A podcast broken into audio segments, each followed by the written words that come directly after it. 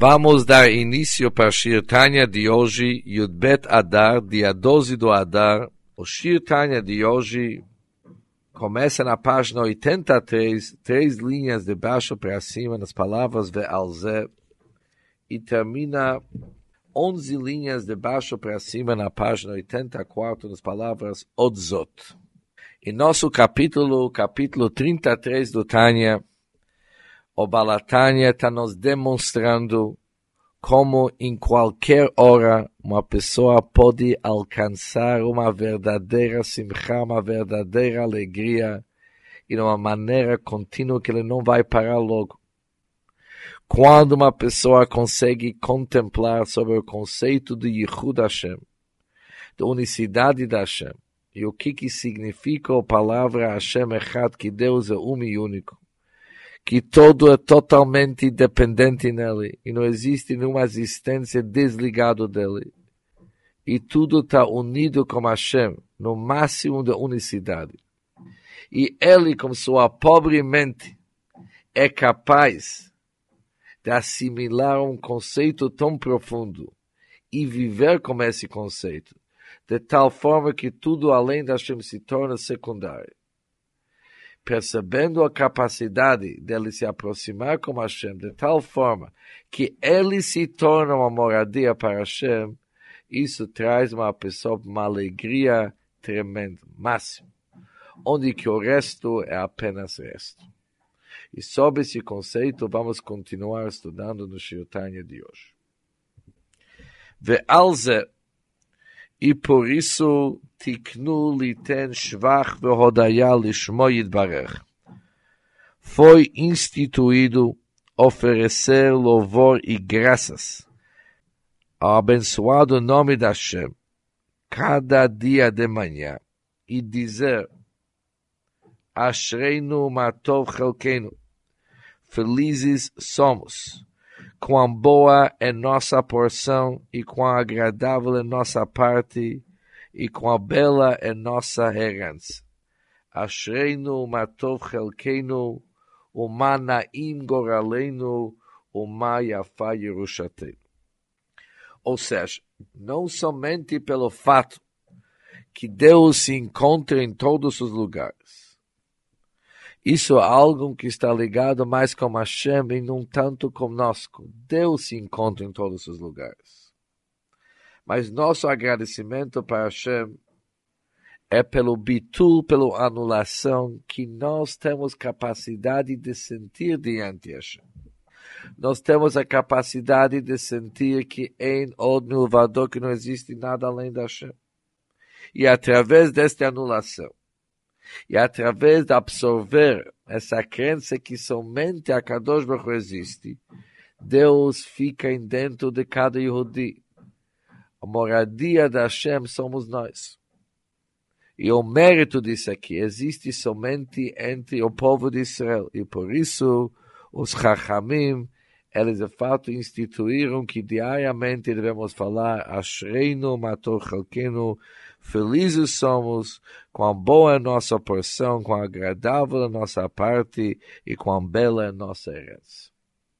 Ou seja, jamais que uma pessoa deve pensar que o fato dele ter esse conhecimento, essa crença, que ele é capaz de absorver uma crença tão digna, isso vem por causa do seu próprio esforço, por causa do seu desempenho.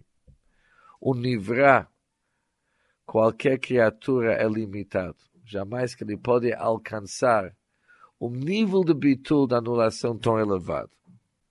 Mas isso é uma herança que nós recebemos de nossos antepassados.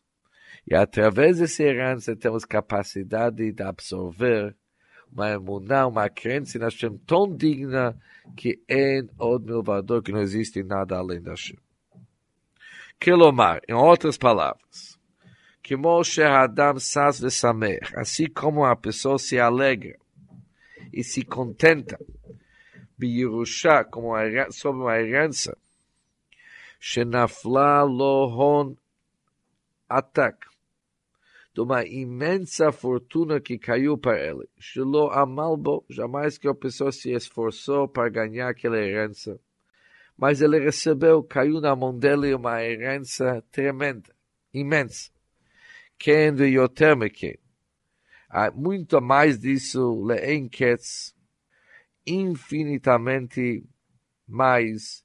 Devemos nos contentar, Yeshlanu Lismor, devemos nos contentar, Yerushatenu, sobre nossa herança, Shinchilanu Avotenu, que nossos pais nos legaram. Hu Yichud Hashem Amiti. Isso significa a verdadeira unicidade da Hashem, afilu ba'aretz mitachat en od novado. Que mesmo aqui embaixo na terra, não há qualquer coisa fora além da Hashem. Vezuhi dirato betachtonim, e esta é sua morada nos mundos inferiores. Ou seja, o fato que os seres inferiores, eles têm conhecimento e eles podem absorver e também, consequentemente, se anular perante Hashem, aceitando o fato, entendendo o fato, que em Nod Milvador não existe além da Hashem, quando essa emuná, essa crença ilumina uma pessoa maneira revelado, com isso eles preenchem a missão deles de criar para Deus uma moradia betartonim nos mundos baixos. Vezeu Shamru Rabotenu Zal.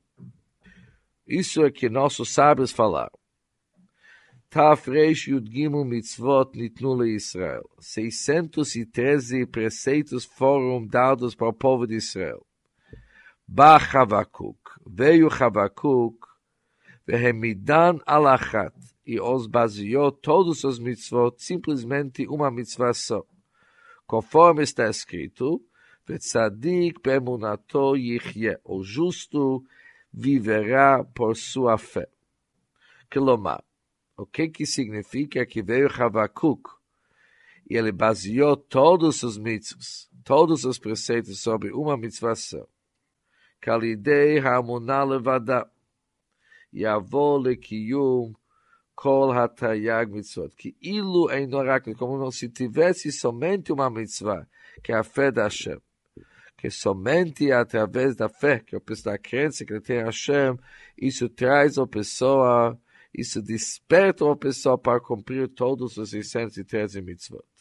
Qual a ligação que existe entre fé e crença em Hashem e cumprimento das mitzvot? É óbvio. Dahainu que Shieli Bossas Vesamer.